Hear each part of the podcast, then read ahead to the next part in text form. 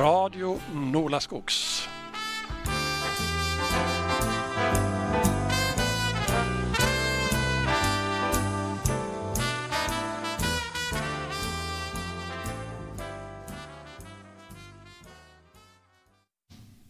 Ja, välkommen till dagens program.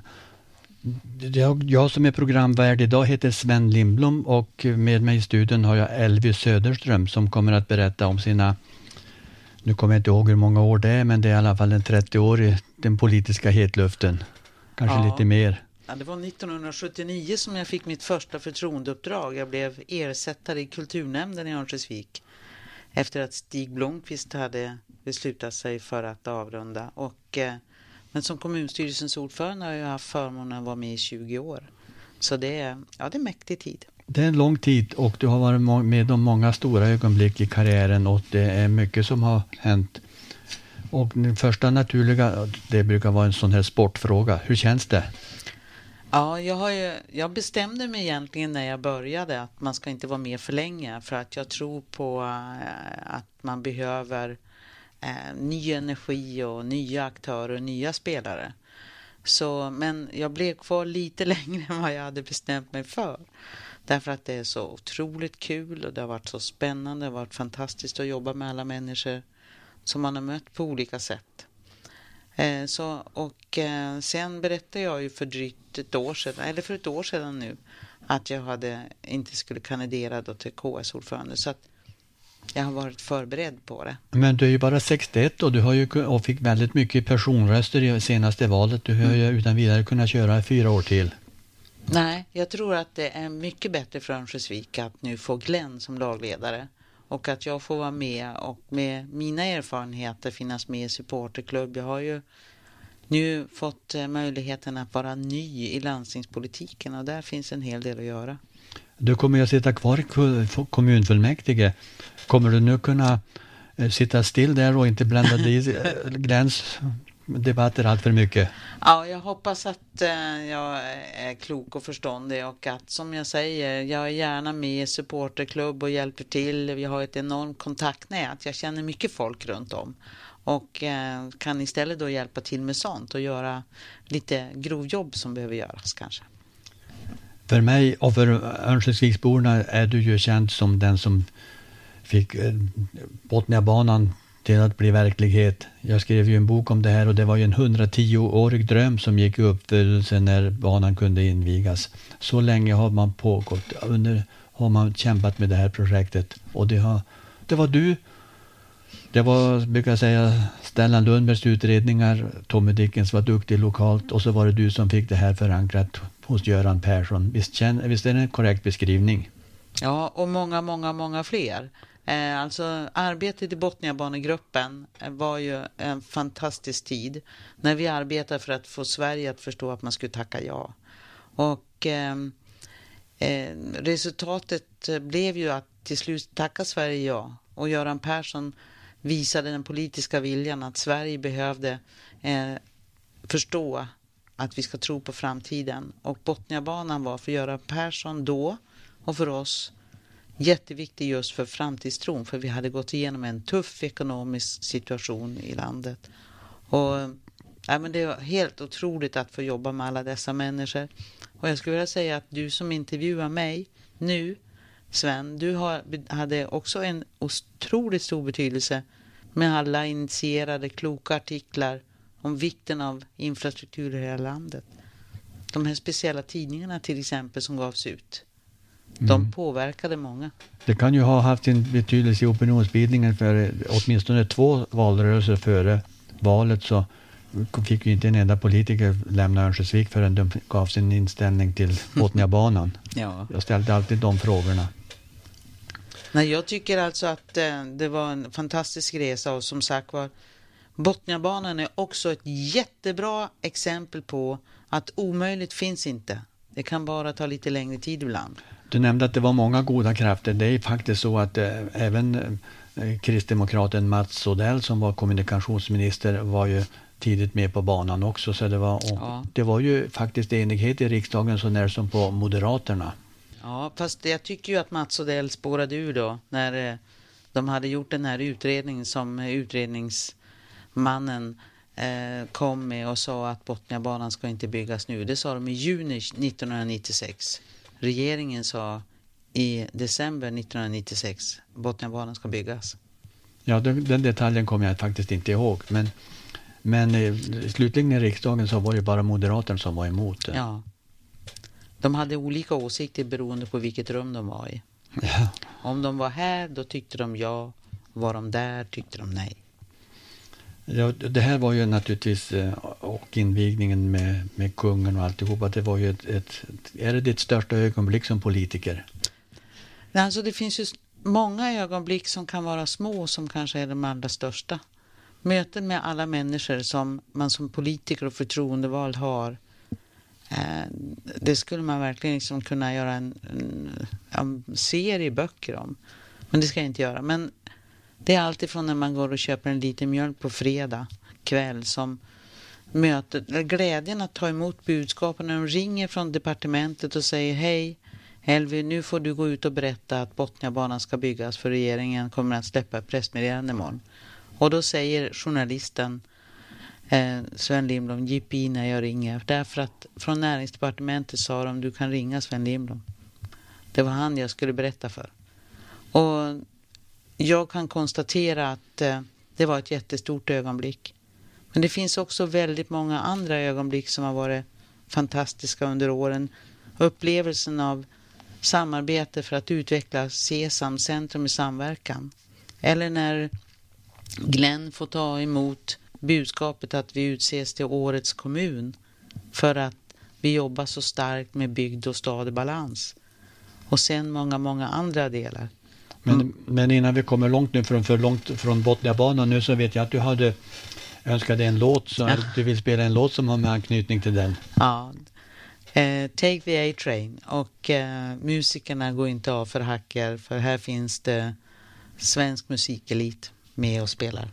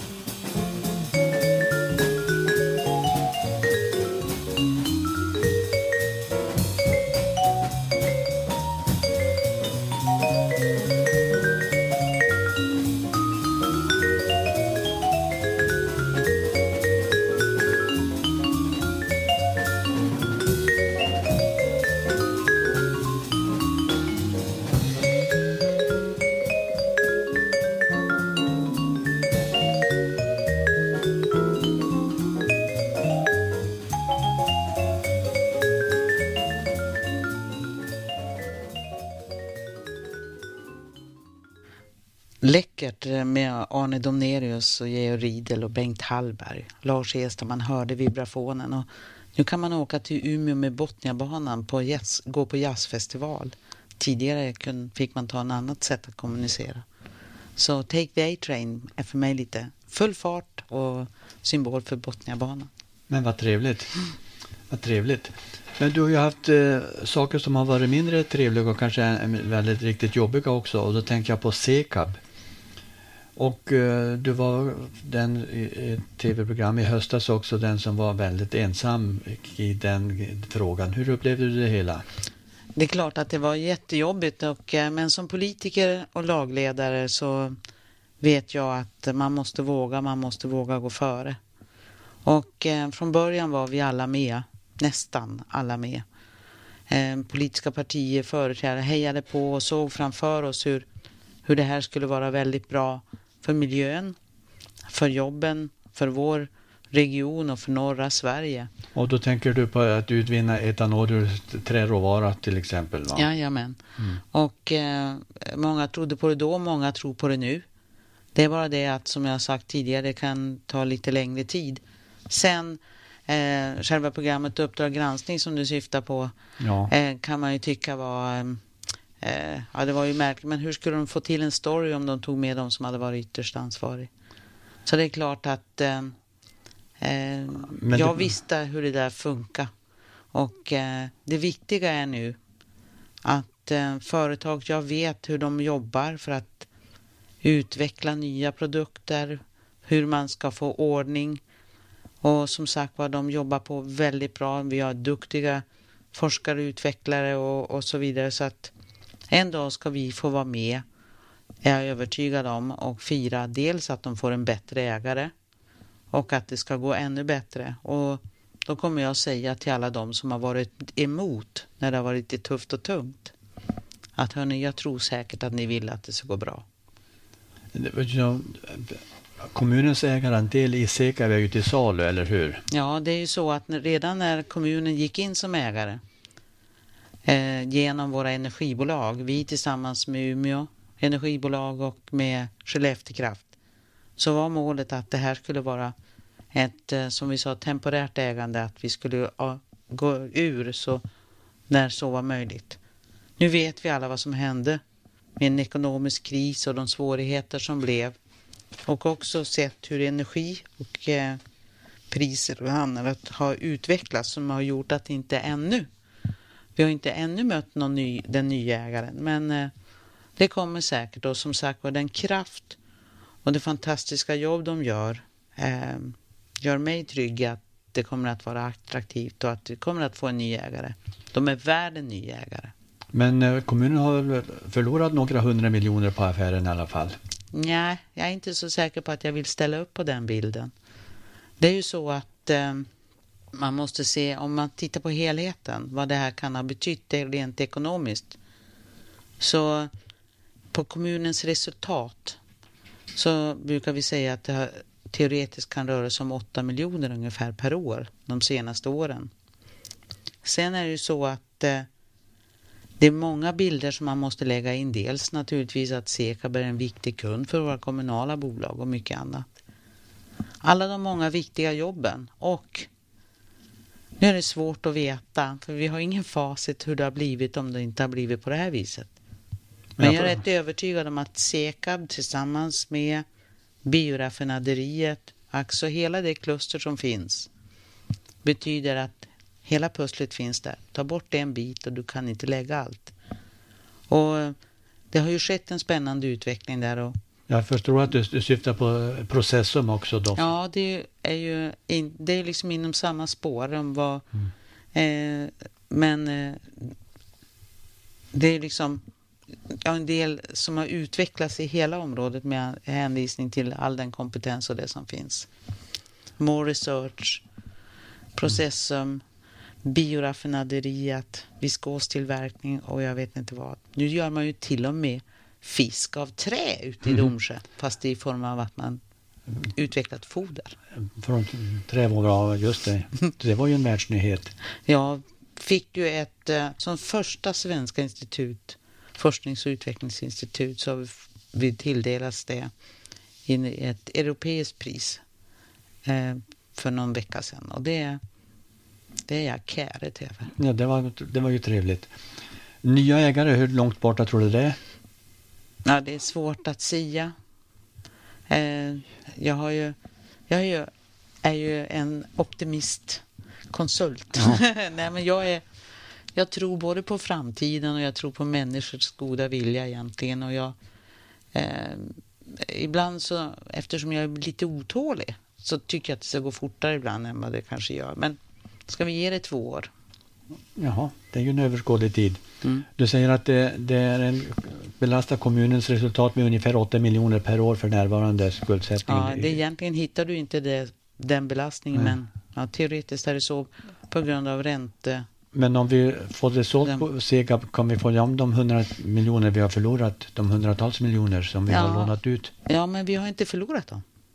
Nej, men vi, vi måste ju få ge tillbaka dem annars. Ja, men eftersom du frågar mig, kommer vi få tillbaka det som vi har förlorat? Vi har inte förlorat dem. Nej, men eh, det finns, de finns där som risk. Eh, ja, det är en annan sak. Men vi har inte förlorat pengarna. Nej, nej. Vi har ett område som har utvecklats till en spännande eh, framtidspark skulle jag vilja säga. Vi har massor med företag, många anställda som gör goda jobb och viktig kompetens för att utveckla mera hållbar eh, produktion av varor. Det är ju inte bara eh, bränslen som tillverkas numera utan vi har viskosen för kläd, till kläder till exempel. Vi har lignosulfonat, vi har fiskfoder som jag nämnde och mycket mer. Produktträdet är enormt. Mm. Så eh, eh, det är klart att eh, eh vi eh, jobbar för att eh, den, de risker som har tagits, för det är ett risktagande att, ha, att låna ut pengar oavsett vad det än är, så är det, ja, jag är övertygad om att det ska gå, om vi hjälps åt att det ska gå bra. Men om man jobbar för att det ska gå dåligt, då blir det sämre. Men du, du framstod som väldigt ensam. Men det har ju funnits en VD både för Sekab och VD för Rodret också. Har du inte kunnat hänvisa till några VD-are också när du, när du blåste som mest? Alltså jag, eh, nej men jag, jag, är inte den personen. Så jag känner så här att om jag har förtroende att vara och de kommer till mig och frågar eh, vad blir det för bättre av det? Jag, jag vet hur det ligger till. Eh, jag visste att det här programmet inte hade kunnat göras om de hade frågat så.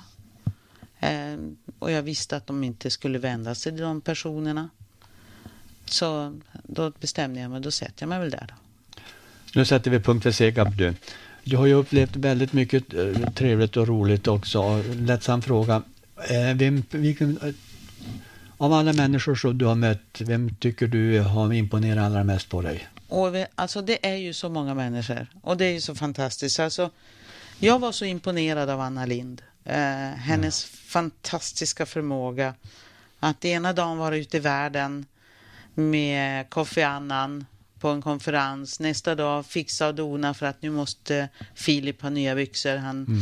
råkar ju ramla och slå sönder knäna där. Och, eh, nästa ut till någon annan del. Alltså hon var helt otrolig och viljestark och, och mycket mer. Mm. Göran Persson, att få lyssna till hans analys om framtiden. Eller sitta bara och ta del av Jan Eliassons olika saker imponerar otroligt mycket. Men också Bosse Westins engagemang för att människor ska få det bättre. Eller Tore Erkéns vilja att det ska gå bra. Många fritidsledare eller lärare som aldrig ger upp. Sen är jag ju naturligtvis oerhört imponerad av Stefan. Stefan Löfven som har gjort en otrolig resa. En helt fenomenal resa. Och nu är Sveriges statsminister. Det är klart att man blir imponerad. Ja, då kan vi ju anknyta till det då, stora ögonblick i ditt eh, politiska liv. Ett fantastiskt stort ögonblick måste ju ha varit när du då satt vid klubban och Stefan valdes till partiledare och i förlängningen blivande statsminister. Det var äh, väldigt stort ögonblick. Ja, det, hade ju, det föregicks ju av en mycket jobbig tid och eh, vi hade ja. alltså ögonblicket att få sitta där och fråga partistyrelsen om partistyrelsen beslutade att utse Stefan Löfven som parti, vår partiledare. Ja, det var mäktigt. Alltså jag lovar, jag hade knotter på huden och eh, den glädje vi kände och den stolthet man kände, det var ju helt fantastiskt.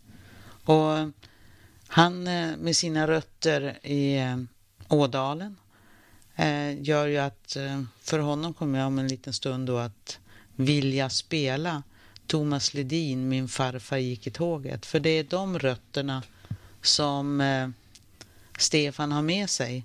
Uppväxten i Sollefteå kommun, för det är viktigt att säga det, men också i Ådalen.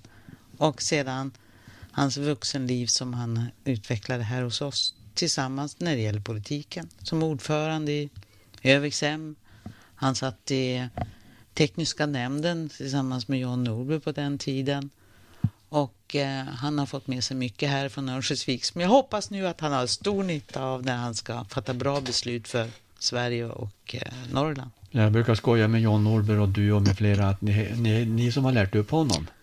Ja, han är ju väldigt mycket självlärd också men det är klart att det känns mäktigt och stort att uh, Stefan är vår statsminister. Och nu har du redan förannonserat låten så ja. nu tar vi den då.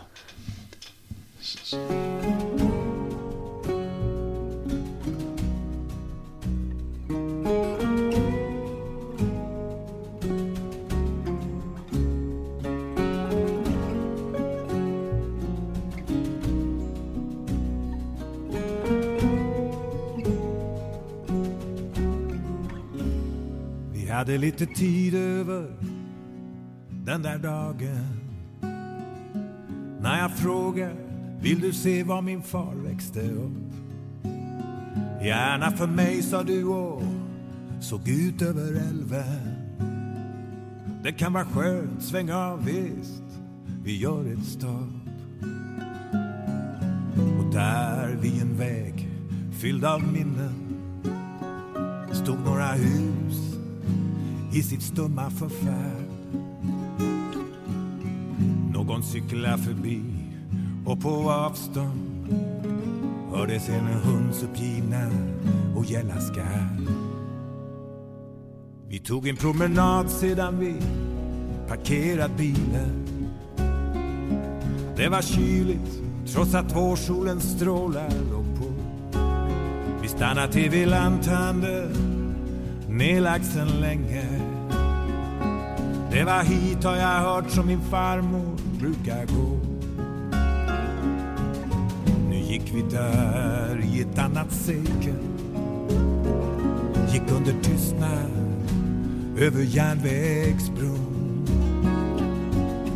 Vi såg stenen, minnesmärket över det som blev en alltför blodig demonstration. Min farfar gick i tåget och han berättade för mig att den första som blev skjuten hade han i raden framför sig. Det var fem som dog den dagen när kapten Mestertons patrull öppna eld för lägre löner för några ynka örens skull.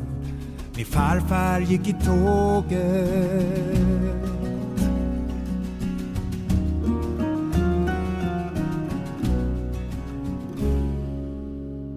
var här han sprang omkring min far som liten grabb. Men av brädgården och stojet runt kajerna finns inget kvar. Här förtöjs inga fartyg längre, hörs inga rop över vattnet. Som skvallrar om allt det som faktiskt en gång var. Och min farfars slit, om ackorden på sågen glädjen om kvällarna i längorna fulla av barn.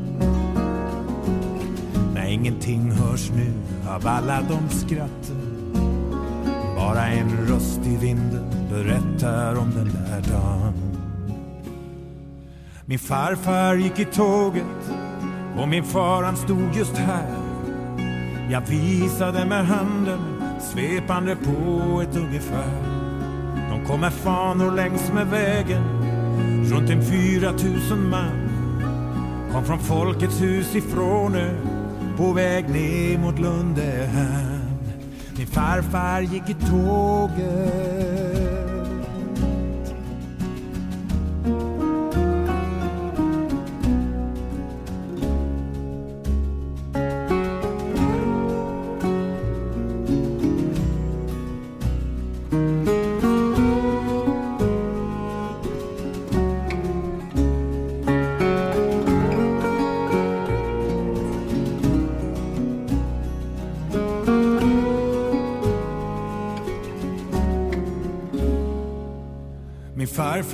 Gick i tåget i skjorta och kostym.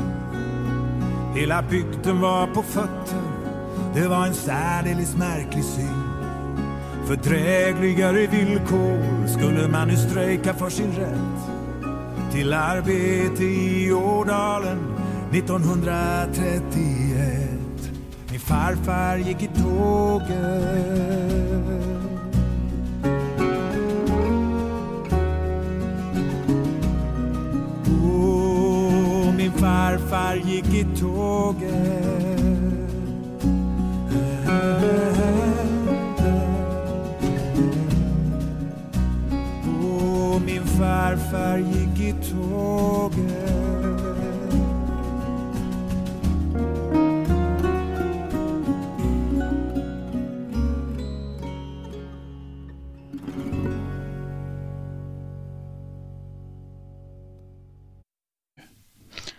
den händelsen så är det naturligtvis eh, så att man har rätt rötter med sig in i politiken. Och, eh, men vi, Stefan Löfven och jag och många fler, vi kom in i, i eh, vår S-förening ungefär samtidigt. Så vi valde att gå studiecirklar, för studiecirklar utvecklar ju. Och som cirkelledare så hade vi Bertil Skoglund. Mm. Mm-hmm. Och det var lärorikt som bara den. Man fick lära sig väldigt mycket. Vi läste olika eh, böcker och litteratur av alla de slag och så debatterade vi. Och så minns jag ett bra tag efteråt så var våran Maj-Lis Johansson, ordförande i vår S-förening med och, och då säger Bertil Skoglund, hörni, se till att det blir något stort av den där pojken. Och jag tror att Bertil Skoglund skulle vara nöjd nu. Mm, vad trevligt. Och vad kul att du gör reklam för studiecirkel. Det är ju något som jag brinner för också. Ja, ni lyssnar på Radio Norla Skogs och programvärd idag är Sven Lindblom och, eh, och eh, med i studion är Elve Söderström. Och du sammanfattar nu dina år i den politiska hetluften. Men du lämnar ju inte. Nu blir det landstinget för dig. Kommer du nu att vara med och utveckla Västernorrland till en region? Oh, tack gärna. Eh, men inte bara det, utan jag tycker att vi ska se större. Sverige behöver en stark region i norra Sverige. Och vi ska fortsätta kämpa för det, för att vi behöver ha en röst för norra Sverige när det gäller att utveckla Sverige. Du, så, du ser alltså en fusion mellan de fyra nordligaste länen som en framtida... Ja, gärna någonting som är större. Men det är bra att börja med Västernorrland då. Samtidigt som vi utvecklar samarbete med Umeå och Umeåregionen för att på så sätt skola in varandra i att vara tillsammans. För att jag har sett och varit med rätt många år nu och sett hur det går när vi inte talar med en röst. Då kör de andra förbi. Mm. Ta bara sådana saker som vi har varit inne på, nämligen eh, jobbet för infrastruktur. Att behöva uppleva att delar av Norrland sa, då när vi jobbade för Botniabanan, så sa man Ja, gör vad ni vill med bara ni inte bygger Botniabanan. Mm. Eh, och det var därför att de trodde att det skulle bli någonting mer någon annanstans. Nej, vi behöver en mera samlad norrländsk agenda. Och för det så vill jag gärna vara med och jobba på olika sätt. Och, och då får du ju landstinget som plattform för det nu då? Ja. Kanske länsförbund också? Ja, eh, men eh, inte länsförbundet kanske, men... Eh, men landstinget? Oavsett vad det än är så är jag medlem eh, i ett parti och kommer att verka för att vi ska få den här möjligheten att bilda en gemensam region på samma sätt som man gjort i andra delar av Sverige. Och varför är det viktigt? Jo, jag tror att vi behöver samla oss. Om vi ska berätta, kanske inte alla känner till, en region för Västernorrlands län det är ju att man överför då en hel rad arbetsuppgifter från Länsstyrelsen till landstinget. Mm. Det är ju första steget i en regionbildning. Jajamän. Och det har man gjort och det har man fått göra eh, på många andra ställen. Senast eh, förra regeringen tog upp det så poängterade vi bland annat för Stefan Attefall när han var här på besök. Jag gav honom till och med ett pussel utan där jag hade tagit bort pusselbiten Västernorrland då. Mm. För att visa hur tokigt det blev. Det första vår nya minister som är ansvarig, Halderan, eh, hans första ord var de som vill ska få bilda region. Men det är ju inte bara Botniabanan och Sekab. Det är ju många små och stora ärenden som har handlagts under vårens lopp. Det är mycket som du har anledning att vara stolt över här i Örnsköldsvik också efter 20 år som kommunstyrelsens ordförande. Vad vill du dra fram? Jag ser du har en lång lista framför dig här. Men... Alltså jag, återigen, det är inte jag utan det är laget och att få, ha fått vara med som lagledare har varit stort och starkt. Att se hur våra skolpolitiker jobbar med Birgit i spetsen för att få Bjästaskolan byggd. Att sen få uppleva och vara med på invigningen av själva skolan och se nu hur man eh, Glenn och Birgit och Anna-Britta med flera jobbar för att utveckla Bredbyn. Eh, några exempel bara. Att, ja, där gav du ju en eloge till en politisk motståndare. Du syftar på Anna-Britta Åkerlind. Ja, hon ingår i den gruppen och eh, eh så är det ju alltid att eh, alliansen finns, eller oppositionen har funnits representerad. Mm, det var ju också i de här tidigare frågorna vi pratade om, även om, man, om det går dåligt brukar de inte ha varit med, men när det går bra så går, är de med.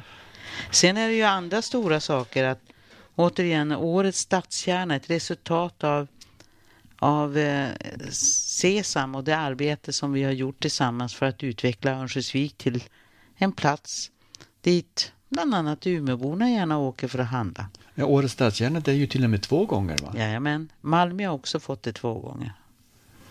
Och då kan man tro att det är enbart centrum, men du har ju en motvikt här också, Årets kommun. Visst har också kommunen fått den utmärkelsen? Ja, och det är för det utvecklingsarbetet när det gäller att satsa på en bygd och stad i balans med Glenn som lagledare. Och eh, man har gjort eh, stora insatser och Bland annat det som eh, eh, idén som föddes och som visade på vikten av att man stödde ett antal butiker på vissa utvalda platser resulterar ju sen i det som har blivit servicepunkter runt om i Sverige. Så jag skulle nog vilja säga att vi har varit lite modellbildande. Och det har också visat sig när förra regeringen eh, gav ut skrifter av olika slag som handlar om landsbygdsutveckling. Så ska de ha något bra med så tog de exempel från Örnsköldsvik. Ja, trevligt. Ja, och sen har vi årets friluftskommun och årets jazzkommun och många sådana. Men det viktiga är liksom vardagen och tänk eh, när eh, det kom folk från andra delar av världen för att se det arbete som alla våra duktiga undersköterskor i äldreomsorgen hade jobbat med. Eh, det var också ett stort ögonblick. Det kommer jag inte ihåg. Var, hur, hur var det? Jo, det var ju så att eh, eh, vi hade eh, under en period japaner, blivande sjuksköterskor, beslutsfattare som kom till Örnsköldsvik för att vilja lära av ideologi och filosofi när det gäller hur man ska jobba för att utveckla en värdig äldreomsorg. Och det var skönt att få säga det till alla de som jobbar i, i omsorgen att man åker från andra sidan jorden för att se och höra och lära av det utveckling. Jag har själv skrivit, varit med och skrivit en skrift som heter Om livet efter arbetslivet. Och i den skriften så finns det bland annat med ett avsnitt om utvecklingsresan ifrån 1975 till idag. Eller inte, det är ju några år sedan jag gjorde den. Men med fem år i taget se hur vad som har hänt och hur det har utvecklats. Det har varit stort. Och ni ordnade till möten med mm, de här japanerna och undersköterskor i Örnsköldsvik? Jajamän. De fick eh, både praktisera och, och lära och vi... Ja, det var spännande. Det måste det ha varit. Mm. Absolut. Men sen finns det som, som ja, att få i sakta mak ta en promenad runt på Herrgårdsudden i Köpmanholmen. Eller uppleva en resa i Nättelunds land och se all den konst som har kommit till genom en fantastisk donation som Nättelund gjorde. Det är ju andra sådana här stora saker. Knattefotbollen eh, uppe på Skyttis eller invigningen av fotbollshallen. Är andra värden som man liksom har fått eh, ta till. Ja, nu, nu, nu börjar du snudda vid ett annat lite brännbart ämne här och det är ju arenan och modehockey.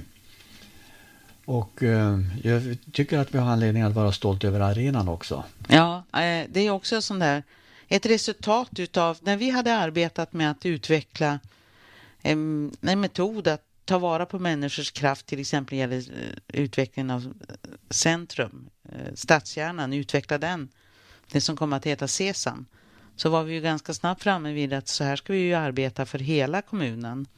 Och en grupp eh, arbetade bland annat med frågan om hur skulle vi kunna flytta Kempis in i stan? Och eh, inte bara för hockeyn utan att ta fram en möjlighet för, för konserter, mässor, ge underlag för hotell, restauranger och mycket mer. Eh, och resultatet har vi ju sett och vi har upplevt och det blev en arena. Och det var därför att väldigt många drog åt samma håll. Visst fanns det de som var emot och det kanske finns någon, en kvar som är emot. Men eh, eh, bara i helgen så tror jag många är glada åt arenan, de som har varit på, eh, på eh, evenemang där. Så att, eh, och det, det är ju alltså så sent som i helgen så skrev Örnsköldsviks Allehandas eh, politisk redaktör en, eh, om det var en ledare på, på nätet där han påstod att vi hade kommunen har nu beslutat att skicka in mer pengar till Modo Hockey. Han, har in, han hade fel förr och han har fel då.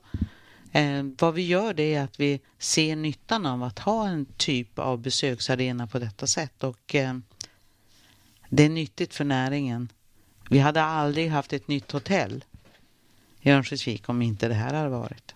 Nej, det sker väldigt mycket sammanblandning mellan stöd till Modo Hockey och arenastöd. Ja, Modo Hockey stöder arenan. Mm. Men eh, Modo Hockey kan ju inte ensamt bära kostnaden för en så stor arena. Nej, det brukar inte föreningar fixa. Nej, just det. Så, eh, men sen är det skönt att ha ett ställe där man kan skrika offentligt ibland. För det kan man behöva som eh, politiker, Precis. att få skrika offentligt. Vi är inne på vad du ska göra nu och um, du får ju ökad fritid också. Har Mm. du något mål för, för, förutom landstinget och fritid nu då? Ja, alltså partipolitiken finns där och det finns väldigt mycket mer också att göra och eh, jag ser också kanske att jag kan vara en tillgång om det behövs lärarvikarie. Oj då. Det är ju några år sedan jag var där i skolan men jag bor ju på andra sidan gatan om Sörlinjenskolan så kanske jag kan vara lärarvikarie där någon gång. Ja, du är lärare i grunden och vi har brist på lärare så Ja. att eh, du lär nog vara...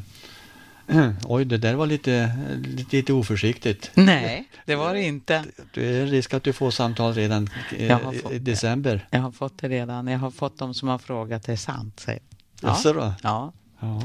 Men jag tror däremot att eh, jag, konst- eh, att jag behöver lära en hel del. För det, jag har inte varit där sedan 1991. Då kom jag in i riksdagen. Och eh, sen har jag faktiskt varit tjänstledig då, fyra år i taget. Jag har ju fyra barnbarn och det slår mig att det måste att vara eh, lågstadielärare måste ju vara det underbaraste jobb som finns på denna jord om man tänker på barnbarnen. Ja, verkligen. Så du trivdes med det förstår jag. Ja, eh, nu jobbar jag inte som eh, lågstadielärare så ofta, så mycket, utan det var ju på alla möjliga olika stadier jag fanns. Men eh, eh, det var ju... Och det är ett viktigt och det är ett fint och det är ett bra jobb. Kommer du att ägna dig åt föreläsningsverksamhet också? Vet inte, Om du blir kallad? har ingen aning. Nej. Framtiden vet. Framförallt ska jag jobba för frågor som rör att utveckla Sverige och norra Sverige. Eh, politiskt ser jag det som otroligt viktigt att jobba med att få ihop eh, människor så att man har lust att dra åt samma håll. För det är nog viktigast. Du ser glad och avspänd ut. Eh, eh, känns det som en lättnad också nu att få lämna kommunstyrelsen? kommunstyrelsens, att ha varit kommunstyrelsens ordförande och kommunalråd och längst ut i beslutslinjen? Ja, eh, det har varit som jag har sagt en fantastisk tid. Och eh, att ha fått arbeta tillsammans med alla förtroendevalda men alla fantastiska medarbetare i kommunens olika verksamheter. Att möta människor i näringslivet. Att all, allt detta, föreningslivet. Eldsjälarna i Ödbergska sällskapet när man skulle överlämna Ödbergska gården till jag vet inte vad. Alltså det är hur stort och det är hur smått som helst. Och att, att ha haft den förmånen då i 20 år, eh, det är helt otroligt. Det är så att man kan nypa sig skinnet om man tänker på det. Sen tycker jag att det känns otroligt kul och bra med Glenn som lagledare för det nya laget och hela gruppen som kommer att ge järnet för att fortsätta och bygga ett Örnsköldsvik för framtiden. Eh, det finns mycket som har hänt och mycket som har gjorts. Men det är mycket mer som skulle behöva göras. Det är så att eh, vi har strävat efter att bygga ett Örnsköldsvik där alla ska få plats. Alla människors lika värde är oerhört viktigt för mig och för, för alla. Och det är klart att när det gäller att arbeta för ökad mångfald oavsett om jag kommer från ett annat land eller om det är sexuell läggning eller annat, det har vi mer kvar att göra. Och jag tror att vi måste alla ta ett ansvar för Ja, under den här perioden som jag har varit så har, jag, har vi ju alla varit med om den här konstiga mm. nyheten från Utöja. Oj då. Och eh, när jag tänker på att jag trodde att det var en dålig radioteater när jag mm. hörde nyheten så är det ändå ett resultat av en inskränkthet och att eh, en brist på insikt om att man måste stå upp för alla människors lika värde och bejaka varandra. Eh, så kampen mot rasismen och kampen för att alla människor har lika värde oavsett religion, hudfärg eller sexuell läggning. Det, det, är så viktigt så att det är nog det viktigaste vi gör. Då, då är alltså Ostkustbanan dubbelspår ingenting. För kampen för allas lika värde och demokrati. Och jag tror du hade förberett en låt som du vill spela för våra lyssnare. Ja, eh, det är eh, Lale som i samband med den här tragiska händelsen ute på Utöja eh, sjöng och gjorde låten Sam Dai Young, Några dör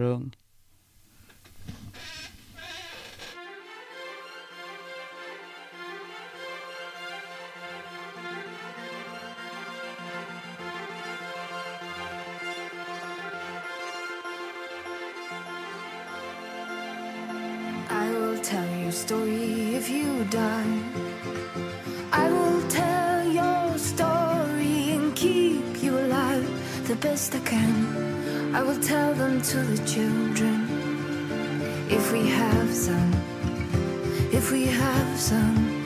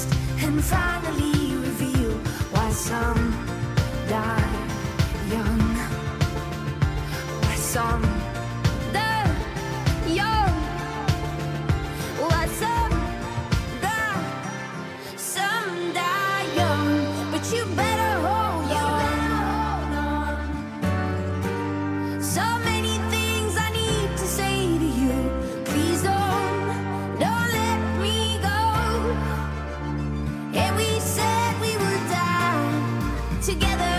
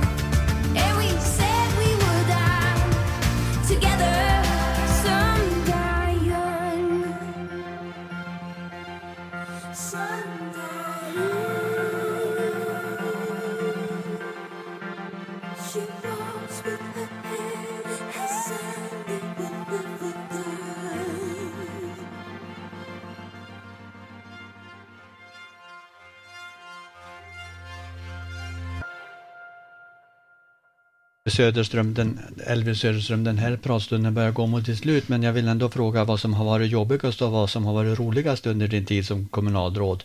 Vi börjar med det jobbigaste.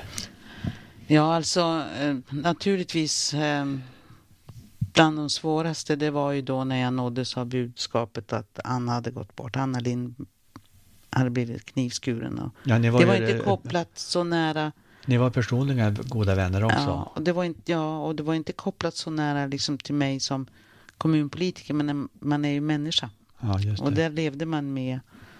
Eh, sen eh, finns det ju som stora och små eh, saker, men eh, det är klart att det var jobbigt att fatta beslutet om Myckeljärnsjöskolans nedläggning. Även om det inte berörde så väldigt många barn så var det ändå att det gjorde ont i själen.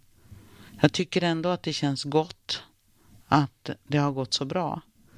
Eh, Men det är ju sånt som jag kanske ändå kan säga att om man inte vågar fatta svåra beslut då eh, tror jag inte att det går bra. Och eh, om man ser framåt och ser på helheten. Men det var också lika svårt och gjorde lika ont när vi samtidigt nå- ti- tidigare då beslöt om att lägga ner Stenhamraskolan. En skola mitt i stan kunde någon säga. Ja, just det. Men eh, så här efteråt så skulle vi ha behövt den. Och så är det också ibland. Det kan vara svårt att det visar sig ibland att man kanske inte fattade rätt beslut. Men då måste man ha viljan och våga eh, göra saker så att det blir bättre. Men det kan vara två, för det är starka symboler där med skolan också. Sen var det ju under en tid, alltså nu är det ju, känns det ju bra när vi kan konstatera att vi har ett ekonomiskt läge så sent som idag så tar vi del av en pro prognos som säger plus 86 miljoner.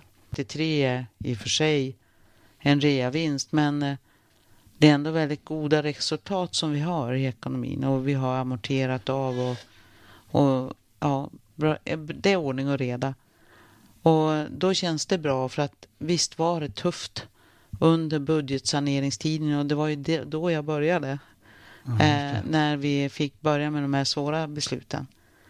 Så mm, det finns en del sånt och att inte kunna tillgodo, alltså man möter ju många människor som vill väldigt mycket och att behöva säga nej då är inte alltid så enkelt. Man tar det med sig hem. Men du har ju en läggning som du är lättsam till, din, eh, till humöret och har lätt för att skratta och det har väl varit mycket som har varit roligt också. Ja, det har det varit otroligt mycket som har varit kul och det är återigen alla människor. Eh, träffar med ordförandegruppen på måndag morgon kan eh, locka till många skratt och vi har haft mycket bus för oss och men sen är det ju då alla de där viktiga beskeden, alltså hej Elvi, Botniabanan ska byggas. Eller eh, att eh, man får ett besked som för en tid sedan att eh, Ja, nu har vi fått den största ordern någonsin, säger Bors Rexroth. Priset i processen, att fabriken i Domsjö var. Eh, när man möter hungriga barn på Comtech, då kan man ju vara glad i flera veckor utan att behöva göra någonting annat. Så att eh, Modo Hockey vinner SM-guld var ju inte alls tokigt. Nej, det var inte tokigt. Eh, då, ja, det finns så mycket som är att vara glad åt. Och att få, ha få jobba med Karin Forsman, att få jobba med Anke Nordqvist, ja, men det är bara hur kul som helst. Eh, det är inte många förunnat och eh, det ska ni veta att det är liksom en del av belöningen av all den tid man har gett under de här åren. Eh, Tack ett hjärtligt tack. Och jag vet att du har ju också valt en eh, rätt så humoristisk skiva som du vill avsluta med, som vi nu ska spela Ja. för lyssnarna. Och det är så att detta med det som är riktigt roligt är ju när vi nu tar del av eh, befolkningsutvecklingen och ser hur det har stannat upp och istället ökar lite. Och det är klart att vi ska jobba med varumärket Örnsköldsvik men i Örnsköldsvik blir vad vi Örnsköldsviksbor gör det till. Och eh, om vi kan berätta bra berättelser om att det, går, det är gott att leva här och bo och verka så det är klart att då kommer fler att välja det. Eh, det finns en liten humoristisk låt som Nylands Nylandsgärna gjort som handlar om just befolkningsutveckling och den här som låten handlar väl om en som inte längre har anledning att bo i Nyland. Det är en Nylands Järn. Men eh, ja, lyssna, hör upp. Tack Elvy. Tack ska du ha. Jag ska lämna Nyland Jag ska flytta härifrån. Jag ska vidga mina vyer och få en ny horisont. Jag ska lämna Nyland Inget håller mig kvar. Bara bittra minnen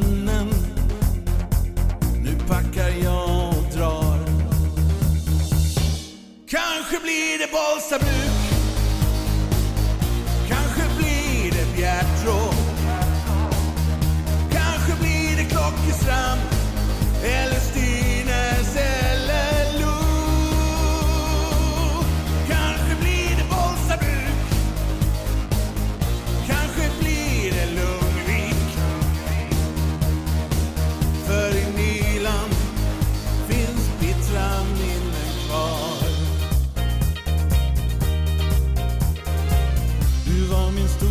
kärlek. Du kallar mig för din. Vi gjorde allt tillsammans Tills du sa försvinn. Jag trodde aldrig Nyland skulle kännas så trångt. Men nu är du för nära Så jag flyttar ganska långt. Kanske blir det Bollstabruk. Kanske blir det Bjärtrå. Kanske blir det Klockestrand eller Styrnäs eller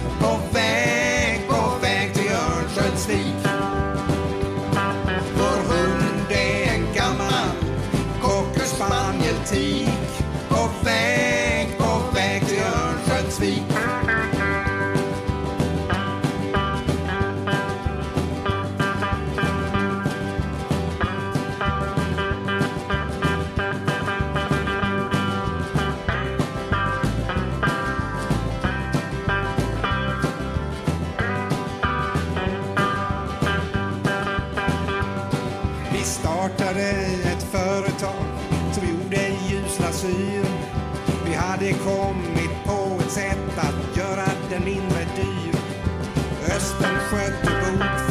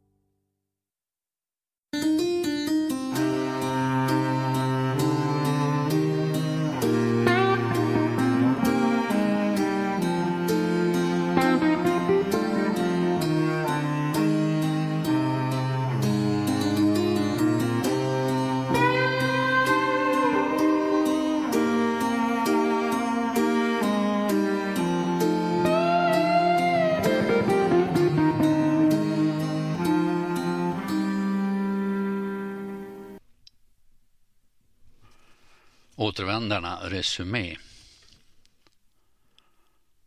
Gustav Morells hustru Linnea som blev knivhuggen i, utanför familjens bostad kommer att klara sig. Men Gustav förlorade sin revolver i samband med överfallet. Gustavs bild av den som attackerade hans hustru är att han var storväxt, skägglös och med skarpa ögon. Utredningen av den döde på Vanvallen fortsätter. Man vet nu vem han var och Levi Bengtsson träffar den dödes bror Gudmar Nilsson som är förman på Framnässågen. Återvändarna avsnitt 9. Levi hade skickat iväg sina konstaplar på måndagsmorgonen när Magnus Luck kom. Han såg bedrövlig ut. Runt skallen hade han lindat ett vitt bandage som han höll med båda händerna. Han pustade och satte sig tungt på en stol. Det är nog inget om rocken, tänkte Levi. Polisen ska vara till skydd för medborgarna, sa han, men så fungerar det inte verkar det som. Jag blev nedslagen i lördagskväll och bestulen på mycket pengar. Levi drog åt sitt papper och doppade pennan. Han var beredd. Att det är jag som leder allt igen, tänkte han. Ni blev alltså rånad, sa han. Har vi inte bestämt att det ska finnas patrullerande polis? Ja, men det är så mycket annat nu, sa Levi. Man ska gå trygg i den här köpingen. Vi måste visa att det är så om vi ska få statsrättigheter. Det är förnedrande att bli nedslagen. När var det här? Luck gnuggade sitt bandage. En dånande huvudvärk har jag. Jag har legat till sängs, det är därför jag kommer först nu. När, sa Levi. I, i lördags alltså, men eh, vid vilken tid? Vid åtta tiden. Jag kom ut från ett näringsställe. En man sprang förbi mig, vände och satte en kniv mot halsen på mig och krävde pengar. Han pekade på en rispa på halsen och blev ännu blekare. Jag gav honom och sen minns jag inget förrän jag vaknade upp i gränden. Hur såg han ut?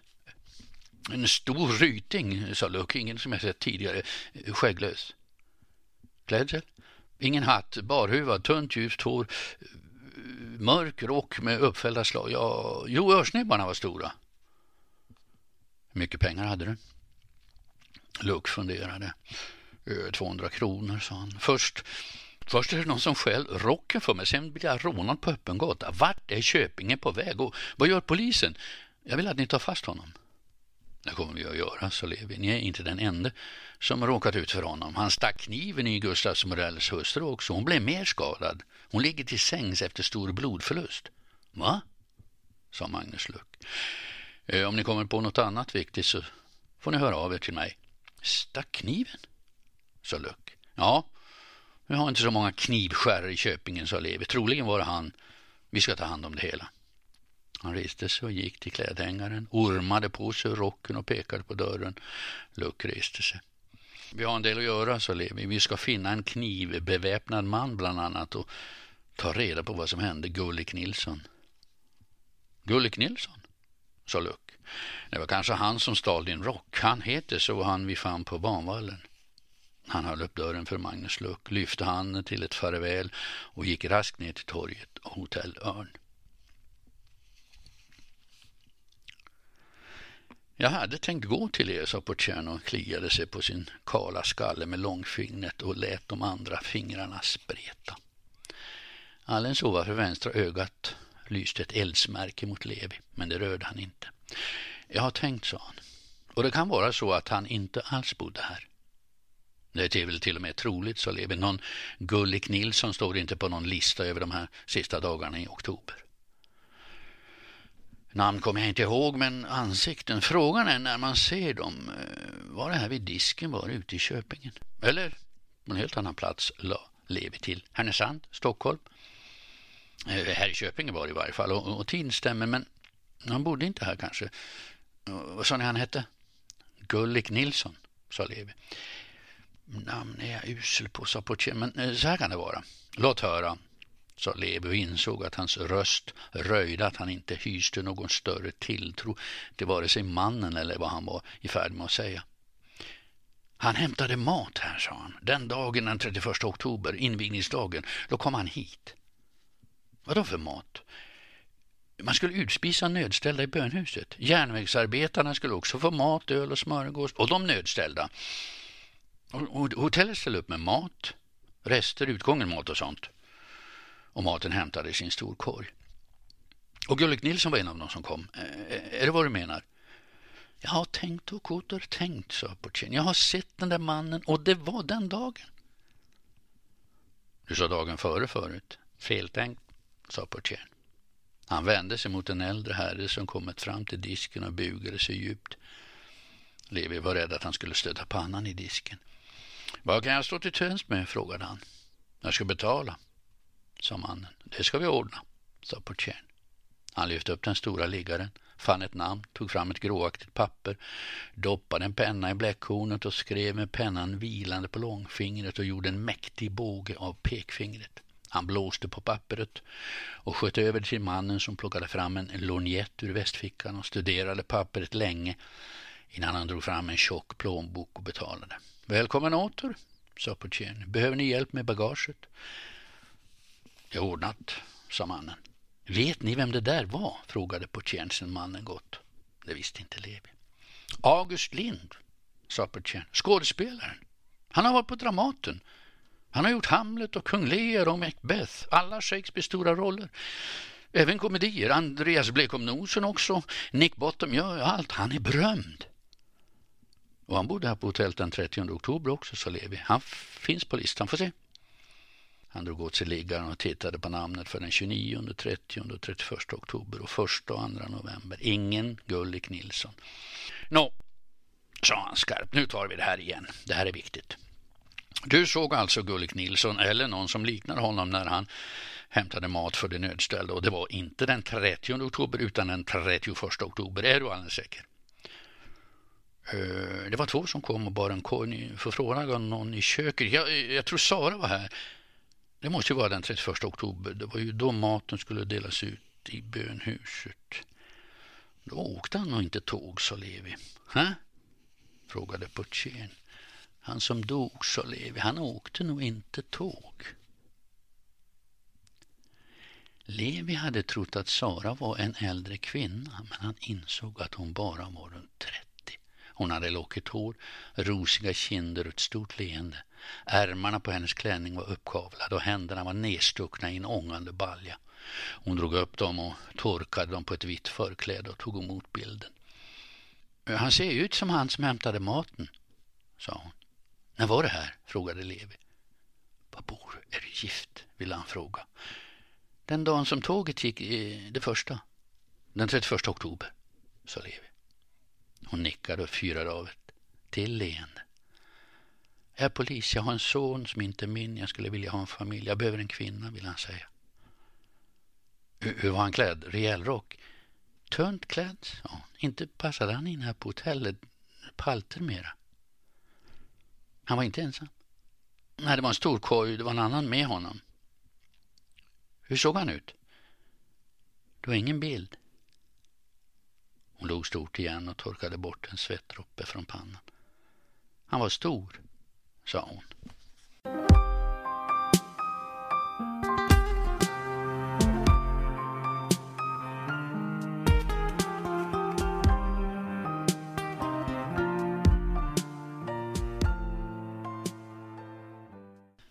Erik Larsson var rädd.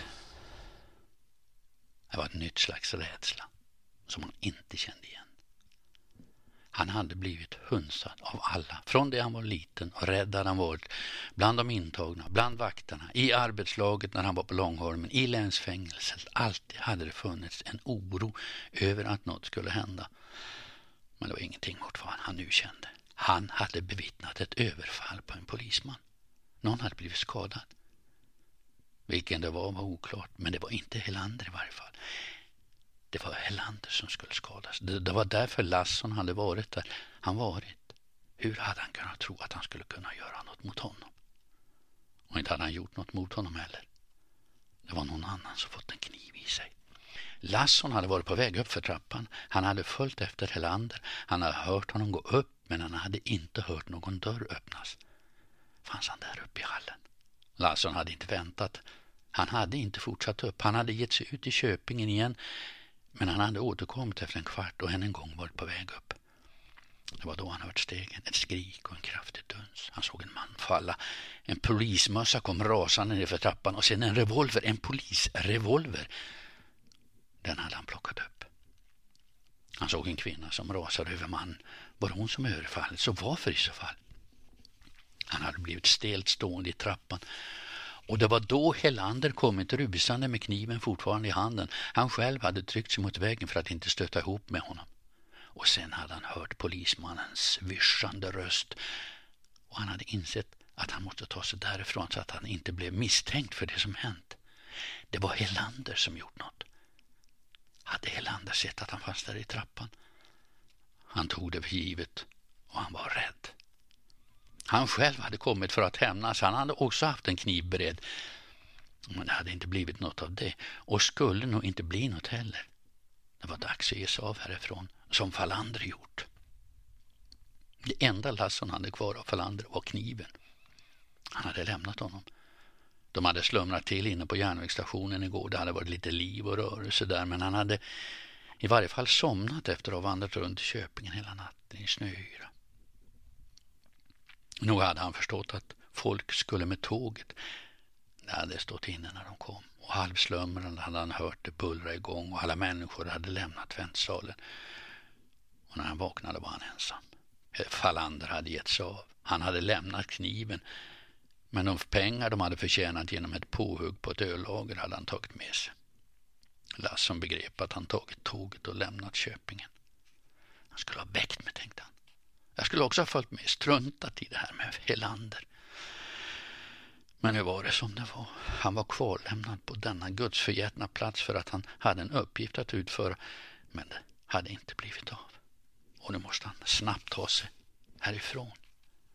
En tanke korsade hans hjärna, men han fick inget fäste. Han skulle kunna gå till polisen och berätta vad han sett.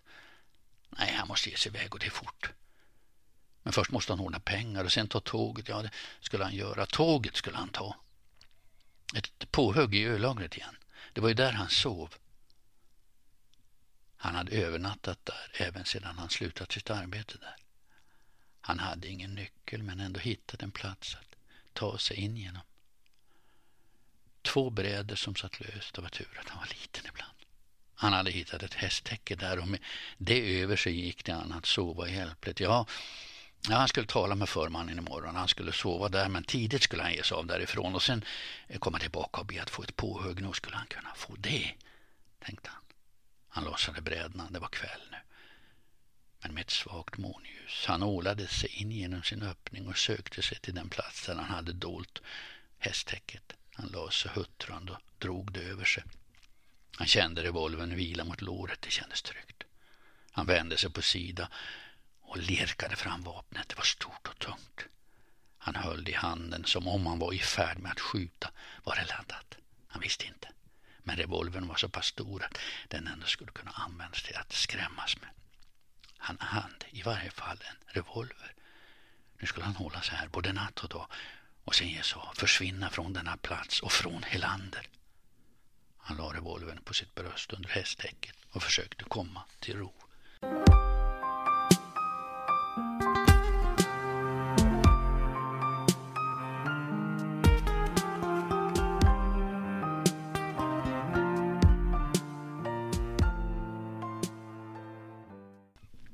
Det var ett slags förhall och sen själva bönhuset, ett långsmalt rum med gråmålade träbänkar på ömse sidor om mittgången. Längst fram ett podium, ett slags predikstol och framför den en upphöjd rundel. Ovanför det som såg ut som en talarstol hängde ett stort träkrucifix. Vid spikhålen droppar av röd färg. Jesu ansikte var förvridet av smärta. Pastorn eller predikanten stod vid rundeln med ansiktet bortvänt. I bön tänkte Levi och hostade till. Predikanten vände sig om och skyndade fram mot Levi i dörren. Han var kortväxt med små händer och ett buskigt hår som hade färgen av gulnat papper. Han tog Levis hand som om han skulle välsigna honom, höll handen länge i ett mjukt grepp och såg bekymrat på polismannen. Har ni kommit för att rentvå er från era synder? sa han. Han släppte till slut Levis hand och gnuggade sina hastigt som, om, som den som ska göra upp eld utan stickor. Jag får nog dras med mina, sa Levi. Vi ska snart samlas i Herrens namn, det är därför jag förbereder. Han återvände till podiet och hämtade tre ljus som han tände och placerade i tre höga ljusstakar som inramade runden. Det gäller utspisningen, sa Levi och gick fram till upphöjningen. Predikanten betraktade ett ögonblick sina ljus och vände sig sedan mot Levi. Här utspisas nästan dagligen. Här tar vi hand om de nödställda i Jesu efterföljd, sa predikanten. Han kastade en snabb blick på krucifiket och lyfte sina korta armar i åkallan. När järnvägen invigdes så levde den, den utspisningen. Bönhuset var fyllt av hungrande, av fattiga, av nödlidande den dagen. Den stora dagen i Köpingens historia. Även dessa arma fick den dagen äta sig mätta och släcka sin törst. Inte bara den bokstavliga törsten efter vatten utan törsten efter andlig vägledning. Var ni här? Jag och de äldste, ja, stora delar av vår skara fanns här. Och mat hämtades på Örns hotell. Ja, en del. Resten var skänkt av givmildiga och offervilliga. Predikanten stod fortfarande med händerna lyfta framför sig. De sjuka och lytta kom hit. Deras ansikten vändes mot ljuset. Tro, sa jag, och ni ska bliva helbrägda jorda.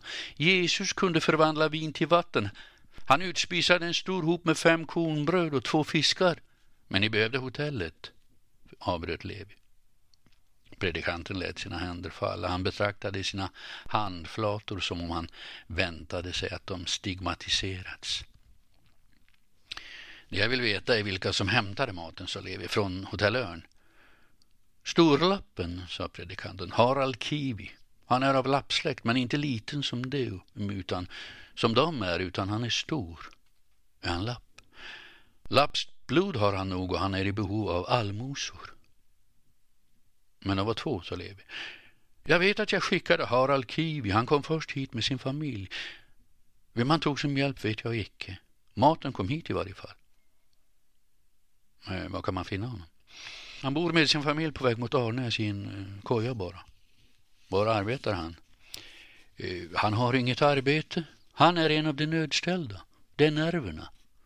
Jag tror att han är i trängande behov av Gud. Levi plockade fram bilden som han nu visste föreställde Gullik Nilsson. Har ni sett den här mannen? Predikanten granskade Evalds teckning ingående men skakade sedan på huvudet. Icke vad jag kan erinra mig, sa han. Om ni ursäktar så måste jag återgå till mina bestyr. Levi Bengtsson ursäktade honom och gick.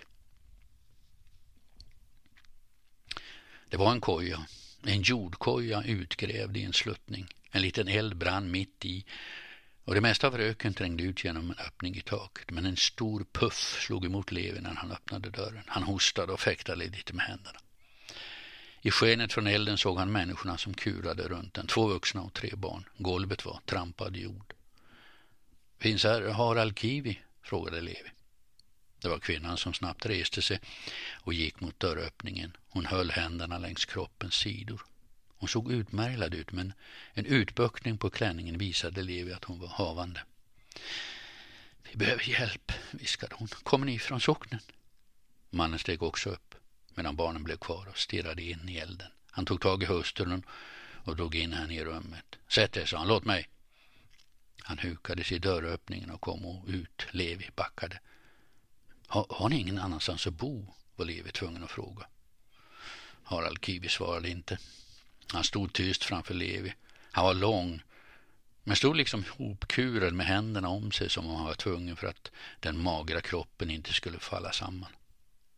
Här skulle Jesu fiskar och bröd behövas, tänkte Levi. Vi är utblottade, sa Harald Kivi. Jag får inget arbete. Vi bor i en jordkula. Snart kommer vinter, men vi behöver ingen hjälp. Vi klarar oss. Han vände sig om och hukade för att återvända in i kojan. Jag kommer inte från socknen, jag är polisman, jag, jag har några frågor, sa Levi. Harald Kivi tryckte igen dörren och vände sig om. Var han lapp? Inte kunde Levi se det. Kindknotorna var höga men ansiktet smalt och fyllt av ett glest ljust skägg. Var det nerverna som gjorde att han inte arbetade eller var det för att man trodde att han var lapp? Du, du bar mat från hotellet till bönhuset en dag där eh, då alla skulle få mat, sa Levi. Kommer du ihåg det? Jo, sa Kiv. En natt när vi inte behövde lägga oss hungriga. Du hade någon som hjälpte dig. Vem var det? Var, var det han? Han vek upp bilden och höll den framför Kibis ögon. Han blinkade, gnuggade sig i ögonen och spärrade upp dem. Jag ser inte så bra, sa han. Det är därför jag också... Han sträckte fram sin högra hand som han hållit dold i en ficka, insåg Levi. Tumme, pekfinger och långfinger saknades. Jag var på sågen, men nu går det inte. Han knöt en skadad hand. En riktigt dålig hand, sa han. Du, du ser inte vem bilden föreställer? Kiwi höll den mot det klena novemberljuset. Jo, när ögonen vand sig ser jag. Jo, jo, det var han. Vet du vem det var? Jag hade aldrig sett honom förut. S sa han någonting? Jag tror inte det. Vi konkade på korgen. Det sög i magen och jag tänkte på vad som fanns i den. Kött, potatis, sås, bröd, smör, ost. Åt han snus? Jag tror inte det. Vi bör, vi sa inte många ord, men snus, nej jag tror inte det. Han heter Gullik Nilsson. Ja, det säger mig ingenting. Hur var han klädd? Ja, som, som jag. I trasor. Han var nedgången. Han hörde till de som behöver allmosor. Det är det som är säkert. Jag vill inte ha några. Jag ska ha härifrån. Någonstans måste det finnas arbeten för någon med dålig syn och en usel högerhand också. Han drog fram sin skadade hand på nytt och sträckte upp sig. Innan vintern, skrek han. Han öppnade dörren in till jordkojan, hukade och skrek högt en gång till. Innan vintern, hör ni det? Innan vintern. Hustrun och barnen satt stilla och vände sina ögon mot mannen för att snart stirra in i den falnande elden igen. Han blev som förändrad, sa Kivi när han stängt dörren igen. Ja, när vi var på väg tillbaka, han var som annorlunda, nervös på något sätt, som om han, som om han sett något där på hotellet. Tala om blickar vi fick. Där kom vi, två lumpsamlare in bland de besuttna med en korg för att hämta mat. Vad de stirrade, vad de fnyste, vad fort de skyndade förbi. Förändrad? sa Levi. Ja, som om han sett någon där, att något hänt där i foajén. Eller någon, sa Levi. Han kanske såg någon där, kan det vara så? Jag vet bara att han blev som förändrad, sa Harald Kivi. Har ni någon mat nu, sa Levi. Vi har så vi klarar oss, sa Harald Kivi, öppnade dörren, hukade sig och gick in. Han stängde dörren efter sig. En klen rök ringlade från hålet i taket. Levi ville se henne igen. Men han hade också ett ärende. Hon hade ingen balja framför sig den här gången. Hon höll på att knåda en deg. Levis ögon fastnade på hennes kraftiga händer som tryckte, kramade och klämde. Hon lyfte degen, släppte den med en duns och tittade upp. Kinderna var lika friskröda som förra gången. Sara, tänkte han. Det var en sak till, sa han. Om bilden. Ja, om mannen på bilden, han som bar korgen. Har ni hittat honom? Han är död, sa Levi, men vi vet vad han heter och att det var han som kom hit för att hämta mat. Skulle han kunna säga något åt henne för att visa att han fann henne behaglig? Och här knogar du på, sa han. Hon kastade en blick på degen. För familjen, sa han till. Barnen, sa hon. Och mig. Han är också död, min man alltså. Men, men här står vi och pratar om när degen ska bli klar. Hon log snabbt. Jo, frågan sa Levi. Träffade han någon här på hotellet? Såg du det? är Någon som han pratar med? Och de kom in, han och den store, in i köket och, och plockade i den mat de skulle ha. Och så gick de. Det var ett kort besök. Jag, jag vet inte om han pratade med någon. Hon drog till sig degen på nytt och började knåda. Tack då, sa Levi och gick utan att säga något av det han ville säga.